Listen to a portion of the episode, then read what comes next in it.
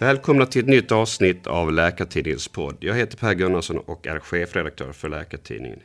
Idag kommer jag att prata med Ylva Sandström, distriktsläkare vid Bo vårdcentral i Nacka utanför Stockholm och ordförande för distriktsläkarföreningen i Stockholm. Du är här för att ge din syn på en diskussion som uppstått inom Region Stockholm den senaste tiden med anledning av att Kry, så här långt bäst känd som digital vårdgivare, har öppnat fysiska vårdcentraler här. Välkommen hit! Tack så mycket! Jag ska säga att jag bjudit in Kry att vara med här och ge sin syn på saken. Kry har dock tackat nej till att vara med. Innan vi går in på den här diskussionen tänkte jag att du skulle presentera dig själv lite grann. Hur har din läkarkarriär sett ut så här långt? Oj, var vill du att jag ska börja? Ja, du kan börja från början, första tjänsten. Första tjänsten, jag blev färdig 98. Eh, och det var svårt att få AT redan då, åtminstone om man ville ha det i Stockholm. Så jag, jag fick vicka i ett och ett halvt år innan jag fick AT och då jobbade jag på onkologen på Södersjukhuset. Sen gjorde jag AT och den gjorde jag på Danderyds sjukhus i Stockholm. Och Eh, mitt i AT bytte jag faktiskt eh, tjänst så att jag bytte över till Södersjukhuset och det var för att jag bor i Nacka så då kunde jag få göra primärvård i Nacka istället för att hamna ute någonstans i Vaxholm eller sådär. Eh, så att, eh, och sen har jag jobbat i Nacka, jag gjorde min ST, Saltsjöbaden. Och när jag blev färdig specialist 2008, då, sen dess så har jag jobbat på Bovårdcentral då i Nacka. Mm. Eh, har jag förstått det rätt om du jobbar på en offentlig vårdcentral? Japp, eh, nästan alla vårdcentraler faktiskt i Nacka eh, är faktiskt SRSO, alltså offentligdrivna vårdcentraler. Det finns ett par privata också.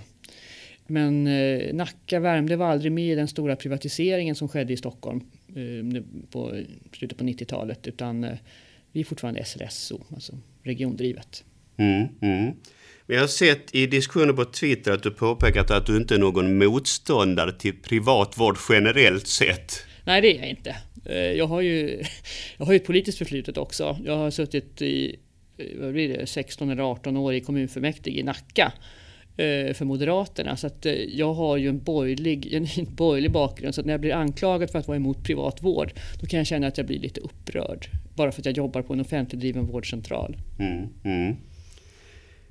Då är det dags för dagens ämne. Vill du börja med att så pedagogiskt som möjligt berätta vad du tycker har hänt i samband med att Kry har öppnat två vårdcentraler här i Stockholm och hur din ståndpunkt kring det som har inträffat här ser ut? Det var väl så att först när vi fick höra att Kry skulle gå in i vårdvalet då tyckte vi i distriktsläkarföreningen att det var positivt för att vi har inte gillat det här att det är helt fristående och det här med utomlänsersättningen och hela den biten som slukar mycket pengar plus att de liksom inte har något helhetsansvar. Så det var positivt tycker jag att Kry skulle gå in i vårdvalet och bli en vårdgivare som andra där man tar ett helhetsansvar för patienterna. Eh, sen när de väl öppnade då Eh, då uppstod ju den här diskussionen kring listningen och det började med att jag fick ju brev, flera stycken, eller mejl får man ju numera, man får inte brev. Eh, fick mejl från eh, flera kollegor på privata vårdcentraler som undrade vad jag som ordförande i distriktsläkarföreningen i Stockholm gjorde åt det problemet att de såg att patienter listades på Kry utan att ha förstått att de hade blivit listade där. För då hade de här kollegorna då eh, fått patienter som hade dykt upp på deras mottagning och velat boka tid som vanligt eh, och som var listade på Kry och som inte då, va? säger de, det hade de ingen aning om. Och då har de kontaktat Kry då i något ärende och uppenbarligen blivit listade där utan att förstå det. Och, eh, och då kände jag att jag ville titta hur det såg ut. Eh, så att jag gick faktiskt in på deras sida, loggade in och såg hur det såg ut där. Och då var det ju så att det såg ut ungefär som det gör på en bokklubb eller så. Vä väldigt stort så här, välj Kry stod det och så skulle man klicka där. Och så, om man scrollade längst ner så kunde man hitta inte nu med små bokstäver. Eh, och en text som var också ganska förförisk och fick liksom intrycket av att om du inte klickar på välj Kry då är det inte säkert att du får hjälp, åtminstone inte lika fort.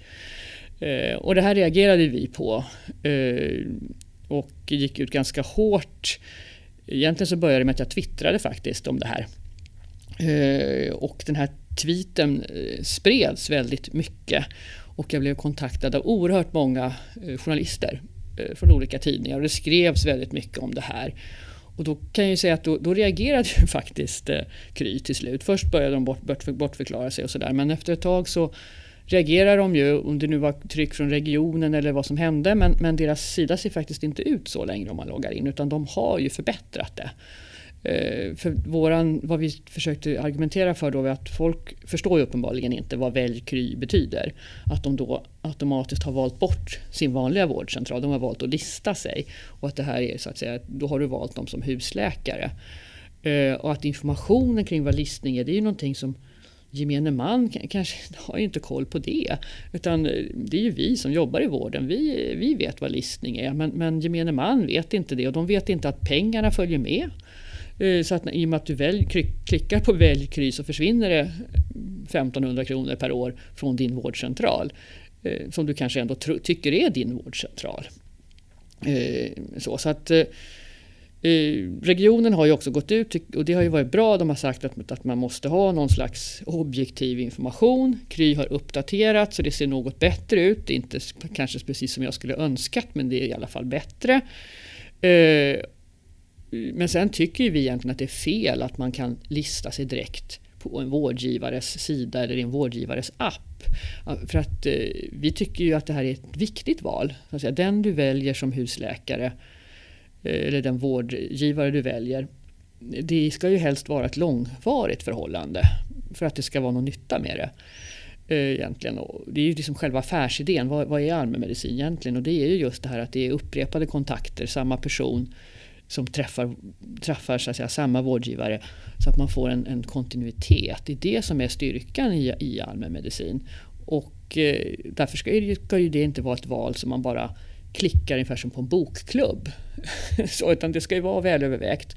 Så vi skulle ju vilja att man bara får lista om sig på regionens egen app eller i 1177 eller ja, på någon slags formell En sida. oberoende plats. En ja. oberoende plats. Inte att man, precis, inte att man kan liksom lista om sig var som helst.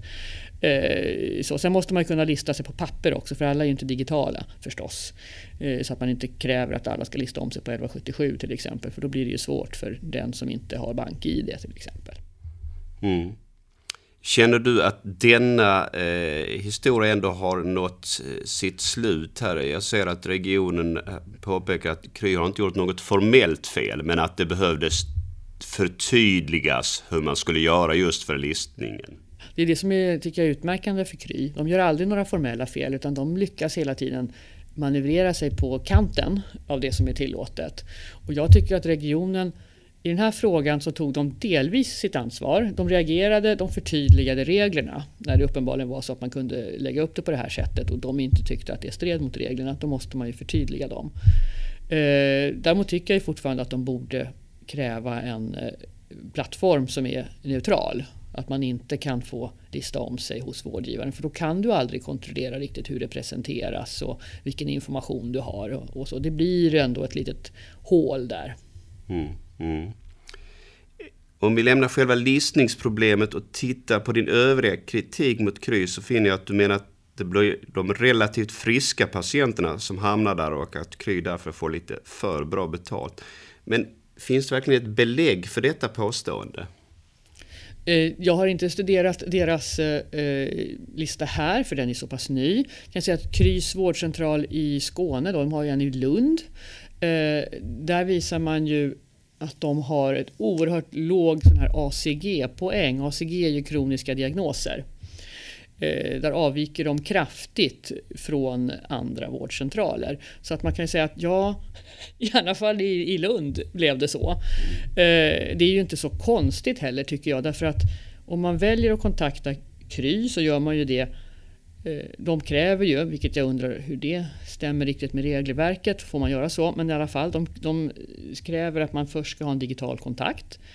Eh, och det betyder ju att om du har ett bekymmer som du tänker att det här kan man inte lösa digitalt.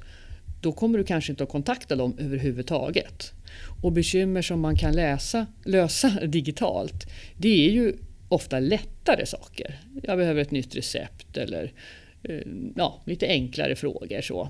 Eh, jag har svårt att sova. Ja. Eh, saker som behöver lite kortare. Medan däremot om du har ett problem där du själv tänker att jag behöver nog ha en fysisk undersökning, då kommer du inte att välja dem. Och det betyder att man får en automatisk selektering så att säga, av patienter som har lättare besvär. Och som sagt det ser man ju i Lund också att det har blivit så. Och eftersom hela vårt betalningssystem, det här med kapitering som det heter, när man får ersättning per patient. Eh, det bygger på någon slags, med, du har någon slags medel... Du har ett visst antal patienter, då, 1500 eller 2000 på din lista och de ska vara lite blandat. Det ska vara gamla, och unga, och sjuka och friska för att det liksom ska gå ihop sig. Eh, men om du lyckas systematiskt sortera ut de friskaste hela tiden från den här listan eh, Eh, då, då blir det ju eh, snett med ersättningarna. För ersättningarna försöker delvis att kompensera för skillnader. Man får lite mer bättre betalt om man har dålig socioekonomi och man, för, för de som är äldre och lite så här. Men, men eh, om man väljer ut i varje grupp så att säga, de som är friskast. Så att även de diabetiker som kontaktar Kry kommer ju sannolikt att vara de som är lite friskare eller har ett lite enklare problem än de diabetiker som väljer att gå till den fysiska vården. Så att de kompensatoriska system vi har räcker liksom inte. De kommer ändå att eh, lyckas få så att säga, oproportionerligt bra betalt. Eh, helt enkelt genom, hela, genom sitt upplägg. Genom att de vänder sig till den här eh, genom att de har den här inriktningen. Så att säga. Jag, eh, det finns en annan vårdcentral i, i Stockholm, Ersta vårdcentral, som öppnade här för något år sedan. Och de, Eh, jag vet inte om det har blivit så, men de sa i alla fall när de startade upp att de skulle nischa sig mot psykisk ohälsa. Och då tänkte jag att är de galna? kan de inte ersättningssystemet? För det är ju ett ska jag säga, ett ekonomiskt självmord. Det är precis tvärtom. Där sorterar man ut de som är verkligen resurskrävande och så marknadsför man sig till dem. Det är självklart en jättebra sak att göra. Alltså, de erbjuder jättebra vård. Men ekonomiskt är det helt vansinnigt. Eh, och jag tror tyvärr att våra beslutsfattare är lite omedvetna om de här effekterna. De tänker inte på det. Så vad tycker du? Har du själv något förslag till lösning på just det dilemma som du målar upp här? Jag har inte något superlösningssvar. Jag har funderat på om man kunde ha någon form av geografisk eh, skillnad. Att, att om du, är, om du Eh, bor väldigt långt bort från vårdcentralen eller kanske inte i kilometer men om du eh, har valt bort väldigt många vårdcentraler som ligger närmare än den du har valt så är det sannolikt så att du är friskare. För de som är väldigt sjuka, de är oftast listade nära. Är den närmsta vårdcentralen dålig, ja men då tar du den näst närmsta. Eh, så. Du tar inte den som ligger på andra sidan stan normalt. Utan då har man liksom oftast, men, men jag vet inte, jag har inte en bra lösning på detta. Utan det här är någonting som jag tycker att regionens eh, hälsoekonomer skulle titta på. Hur ska man göra för att komma runt det här problemet? Det här kanske är en modell, men det kanske finns en annan modell som är bättre. Du, en eh, oro som du har uttryckt är också för de små personalägda enheterna, att de ska slås ut. Eh, det skulle ju kunna vara en berättigad oro. Men ska man kritisera de privata digitala vårdgivarna för detta? Är det inte snarare så att systemet är uppbyggt som ett slags marknad och därmed kan en konsekvens bli att mindre enheter försvinner?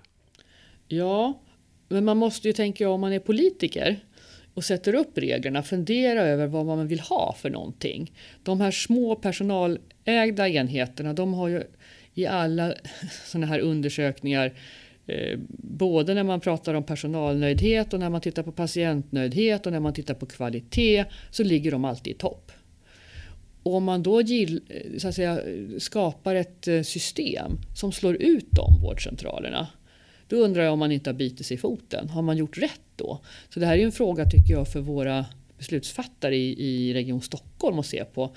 Hur har vi eh, satt upp våra ersättningssystem om det blir så. Anledningen till att jag är orolig för dem så här akut är ju att de ofta inte har så stor buffert. Så att eh, om eh, Kry listar på eh, 10% av deras patienter utan att de patienterna ens ville byta utan de, de fattade liksom inte att de listade sig. Då går de här enheterna omkull för man klarar sig inte så att säga, med 10% mindre inkomst. Så att därför är det på något sätt det är ett akut problem för de mindre. Jag tänker att det kan ju drabba större enheter också och även SRSO, då, de regiondrivna där jag jobbar. Eh, eller Capio eller så. Eh, men, men där finns det ju liksom lite ekonomiska muskler. Man är inte lika känslig. Det är inte så att det går på ett halvår så måste jag lägga ner. Eh, och då hinner ju kanske regionen också agera för allting går ju så långsamt i regionen. Men det kanske händer något på ett års sikt och då kanske man klarar sig då om man är jättestor. Men är man jätteliten då har man redan hunnit försvinna. Mm. Så det är enligt dig ytterligare ett argument för en översyn av uppbyggnaden av ersättningssystemet? Ja, och att det måste ske fort. Att man inte kan sitta och utreda det här i, i tre år och, och, följa saken tror jag att Anna Starbring sa. Vi ska följa det här. Okej, okay. ska ni följa och se hur de trillar ifrån en och en och sen säga oj, det var inte så bra. Mm. Så på det sättet menar du också att det är bråttom som sagt? Ja, du, ett argument som privata digitala vårdgivare för fram eh, återkommande är ju att digitala besök, besök är billigare än fysiska och att resurser därmed frigörs till patienter med större vårdbehov. Vad säger du om detta argument? Ja, det är ett jättelustigt argument. Eh, det, är, det är ju det är ju liksom som att jag skulle säga att jag på vårdcentralen, jag är mycket effektivare för när jag tittar på en stukad fot då kostar det 500 kronor eller något, vad det nu kostar för regionen. Men när ortopeden minsann opererar ett brutet ben och sätter in en märgspik, ja, då kostar det ju 10 000. Alltså är jag mycket effektivare. Det är liksom, man gör ju inte samma sak. Det, det, det, liksom, det, blir jättelöjligt att, att, att, jämföra på det sättet. Om det var så att man gjorde samma sak, om jag på min vårdcentral också satte in märgspikar och kunde göra det för 500, då kan jag hålla med om att jag vore billig. Men det gör jag ju inte. Och så på samma sätt när Kry bedömer då en stukad fot, de kan ju inte ens klämma på den. De, så att de, de, de hör ju bara vad du säger. Så det är ju inte samma sak man gör. Mm. Så du menar att det väldigt, väldigt korta, för det kan det ju vara eh, när man kontaktar en digital vårdgivare. Det gissar jag att det är även om man kontaktar en offentlig digital vårdgivare. Men du menar att det ofta behöver en fortsättning i form av ett fysiskt besök? Ja, de frågor som är mer komplicerade. Är det en lätt fråga du ställer till mig, eh, då behöver du ju inte det. Men om du ställer någon fråga som är mer, det är något som är mer komplicerat, då behöver det ju ett fysiskt besök. Och därför blir det så löjligt när man jämför olika saker. Jag kan tänka mig Eh, exemplet eh, om du har diagnosen kärlkramp till exempel. Den kan följa med alla vägar tänker jag. Om du, eh, om du har kärlkramp på sjukhuset och du ligger inlagd för kärlkramp då kanske du får göra en kranskärlsröntgen och bli ballongsprängd och allt möjligt. Det är ganska dyrt. Om du är på vårdcentralen för kärlkramp på ett fysiskt besök, ja men då lyssnar jag på hjärta och lungor, jag tar EKG, jag kanske tar blodprover, jag tar ett besök som åtminstone tar 30 minuter. Jag ser över dina lä läkemedel och så. Ja, det, det, kostar ju lite grann. Ändå jag kanske till och med skriver någon remiss, du måste göra ett arbetsprov eller någonting. Eh, om du är på Kry eller på en, hos en digital vårdgivare, vad kan de göra? Ja, de kan förnya dina recept. Och, och, det är samma diagnos. Det är kärlkramp. Men, men, men det är ju liksom helt olika saker man gör och därför blir det så konstigt då när man jämför sig. Ja, men vi tar också hand om kärl, kärlkramp och hos oss kostar det mycket mindre. Så, ja, men du hade ju förnyat ett recept och de där de gjorde kranskärlsröntgen. Det blir, det blir så absurt eh, sätt att resonera. Men tyvärr så verkar ju många köpa det här. Tycka, ja, ja, okej, okay. ja, ja, de gör, de gör det mycket billigare. Mm. Men om man tar ett patientperspektiv så kan många ha varit med om att de har ringt till sin vanliga traditionella vårdcentral med ett ärende som är viktigt för en själv men kanske inte så stort för vårdcentralen. I sådana fall kan det ibland dröja väldigt länge innan man får en tid. Och då kan man ju återigen ur ett patientperspektiv fråga sig, ska det behöva ta så lång tid att få komma då? Ja, det är ju, det är ju en resursfråga. Det finns, vi måste förhålla oss till hälso och sjukvårdslagen som säger att vård ska ges efter, eh, man ska prioritera efter behov, så sjuka ska gå först. Och det är klart, har vi för lite resurser och vi anser ju att eh, primärvården är underfinansierad, så vi har för lite resurser, då måste vi prioritera hårt. Och då blir det förstås så att den som har ett litet problem ja, den hamnar ju sist i kön då. Eh, och, och, blir kanske missnöjd, känner sig missnöjd. Och, och då kan man ringa till Kry och eftersom de enda som ringer till Kry är de som har små problem så får du ju hjälp där. Och där kan man ju undra hur sköter regionen sin prioritering, så att säga, eller sitt åläggande enligt hälso och sjukvårdslagen och se till att vård ges efter behov. Om man gör på det sättet att man underfinansierar en viss del och sen så som man har gjort de senaste åren så verkar det inte finnas någon gräns för hur mycket pengar man kan kasta på en annan del. Eh, och jag skulle säga att om vi hade haft i primärvården, den vanliga vården, alla de pengar som har gått till digital vård, då hade vi kunnat haft en fantastisk tillgänglighet. Mm. Då tror du alltså att hade man ringt för ett eh, enklare fall, då hade man kunnat få komma snabbare i så fall? Ja, det, för det handlar ju bara om det handlar om att man måste prioritera. När man har, man har en viss mängd resurser och så har man, har man dem, man har inga fler. och då är vi ålagda att prioritera dem som har störst behov. Och det är klart att då känns det tråkigt när man är, tycker att man har ett problem. Men man har kanske ett mindre problem än vad någon annan har. Jag har ju fortfarande ett problem även om någon annan har ett större problem. Eh, att man då blir bortprioriterad eller får vänta väldigt länge med sitt problem. Då blir man ju inte nöjd, så är det ju. Mm. Men din lösning på det, det är alltså mer resurser? Alltså vi måste ju resurssätta primärvården utifrån sitt uppdrag, tycker mm. jag. Mm. Eh, jag skulle säga att de digitala läkarna, vi har, vi har, pratat mycket om, vi har mycket pratat om vad vi kallar för istället för-lösningar. Istället för att se till att primärvården klarar sitt uppdrag så har man hittat på lösningar vid sidan om. Man har skapat närakuter till exempel, för det går inte att komma till vårdcentralen för ett akutbesök. Då skapar man närakuter där man kan komma till. Och jag tror att även de här appläkarna då, eller nätläkarna, det har också varit så. Därför att det går inte att komma till vårdcentralen för enklare saker. Och då har de uppstått. Eh, istället för att man hade fört in resurserna och sett till att primärvården kunde göra de här sakerna. Sen ska man väl säga då att nätläkarna har ju också bidragit med teknisk utveckling som har varit positiv. Och det hade väl aldrig hänt om landstinget skulle hålla på själva. Så att det har inte bara varit dåligt men, det, men man, har, man, man har fört in oerhört mycket resurser till, en, till den här gruppen. Och, eh, som, som liksom inte finns i den vanliga vården. Mm. Det som också naturligtvis kan spela in för en del patienter nu det är ju att om du står valet mellan att ringa till regionens digitala eh, vård då. Eh, eh, och så jämför du på nätet och inser att det blir gratis om du ringer till en privat vårdgivare. Det, det kan nog påverka en hel del patienter tror jag. Ja, absolut. Att man har kunnat eh, ha noll, nolltaxa så att säga då, eftersom man har kopplat sig till Sörmland. Eh, men, men, så att det, men jag vet ju att det finns många patienter som använder sig av regionens app just av, nästan av ideologiska skäl. Alltså de mm. väljer att betala 200 kronor för att inte gynna de här mm. andra. Och, och, det måste man säga, det är ju verkligen beundransvärt. Det vet jag inte om jag skulle göra själv. Mm. Du, eh, i den här diskussionen som har varit den senaste tiden här så har ju du med flera eh, riktat kritik då mot privata digitala vårdgivare. Samtidigt så jobbar det ju en hel del läkare för de här. Har de, som ju också kan vara medlemmar i din egen eh, förening, har de av sig till dig och säger att ni är för tuffa mot oss? Nej, faktiskt inte. Och jag har ingen kritik mot de läkare som jobbar där. För jag kan säga att primärvården är skittuff. Många går in i väggen. Eh, det är, liksom, ja, det är tufft att jobba där.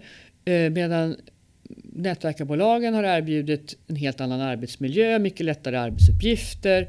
Och det är klart att, ja, jag kan ju inte säga att jag tycker att det är konstigt att man väljer det. Och jag tror också att de som jobbar där gör ju så gott de kan utifrån de förutsättningar som finns. Att säga ja, okay, jag kan inte bedöma dig för du är digital. Eh, och då gör man så gott man kan med, med det mötet man har. Eh, så att liksom, i, i, det är inte läkarna på de här bolagen som vi kritiserar utan det är hur bolagen beter sig själva och framför allt hur regionen riggar sina incitament. Mm. Och här i Stockholm nu så pågår det ju en uppstart av flera olika privata digitala vårdgivare i form av eh, fysiska vårdcentraler. Tror du att det på några års sikt kommer att förändra eh, diskussionen så att de här mer blir, vad ska man säga, traditionella vårdcentraler? Ja, det återstår att se. Det får vi se. Det beror väl på lite tror jag hur regionen väljer att göra med ersättningssystemen vad som händer. Man kan väl tänka sig att på tio års sikt så kanske det inte är någon större skillnad för att även de, här, de traditionella vårdcentralerna har ju mycket digitala tjänster. Ibland så får man då framstå som att man inte kan få någon som helst digital vård om man har en annan vårdcentral. Men så är det ju absolut inte utan nästan alla andra vårdgivare har ju digitala tjänster. Jag menar, Capio har Capio Go, Praktikertjänst har Praktikertjänst online eller vad de nu heter. Mm. Eh, så, så att det finns och, och, och, och, den landstingsdrivna vården har, har ju då den här Alltid öppet-appen. Mm. Så att alla och så finns det Doktor 24 också som flera vårdcentraler har köpt in sig i så att de erbjuder det via sig själva så att säga. Så att väldigt många har ju digitala tjänster. Och, det som kommer att hända kanske på tio års sikt är att skillnaden mellan de här suddas ut. Men eh, frågan är vad som händer under tiden och på vägen. Mm. Och där eh, tolkar jag det som att du tycker det viktigaste är egentligen, om vi ser just här Region Stockholm, att regionen snabbt ser över ersättningssystemet. Ja, de behöver, det som vi pratade om i början, alltså att de behöver fundera över den här selektionen som sker när man har väldigt stark digital profil. Hur man ska eh, kompensera det så att det inte blir orättvist och orimligt. Och att det också kan bli så för att det är egentligen bara om du vill ha lätta patienter, då har jag ett jättebra tips hur du ska göra. Det är egentligen bara att eh, ha ett bra digitalt erbjudande till de som har lätta problem. Se till att du är lite oåtkomlig för de som har svårare problem. Då löser sig problemet. Då kommer du bara att få lätta patienter och det är lite så som, som eh, jag är rädd då att de här vårdgivarna jobbar. Det har ju förekommit en, en kollega till mig som jobbar på Ekerö berättar att, att eh, där har det dykt upp patienter som har haft kontakt med Kry och fast de har varit listade på Kry så har Kry rekommenderat dem att söka sin gamla vårdcentral när det blev lite jobbigt och lite, göras lite utredningar. Och det är också lite konstigt. Alltså antingen, är, antingen är man listad och då ska man ju ta hela ansvaret eller så är man inte. Det är inte så att man väljer så här, ah, men du det här blev lite jobbigt så nu får du gå till min granne. Min, så, så kan man ju inte göra. Ja, det blir en konstig situation och vi kan påminna igen eh, om att Kry har ju varit inbjudna att vara med på det här samtalet idag men har tackat nej. Du, jag tycker att det börjar bli dags att avrunda detta intressanta samtal. Har du någon ytterligare reflektion kring det vi har haft uppe här idag? Inte så här spontant. Så att säga. Det, det, som är, det som jag tycker då från våra beslutsfattare så skulle jag ju vilja att de på något sätt reagerade på. Tycker ni att det här är bra? Det som händer? Eh, det här med hur listningen fungerar och hur ersättningarna slår. Tycker ni det är bra? Och tycker man att det är bra, ja, okej, okay, då behöver man inte göra någonting. Men om man nu inte tycker att det är bra, då måste man ju agera. Man kan inte bara sitta och, och, och, och följa vad som händer. Därför att då riskerar vi att... För världen står ju inte stilla medan vi sitter bredvid och tittar. Utan det händer ju saker då. Mm. Vi får se hur regionen svarar på detta. Eh, tack för att du ville vara med. Jag ska säga att denna inspelning görs den 15 oktober år 2020. Om ett tag kommer nästa avsnitt av denna podd. Hej så länge!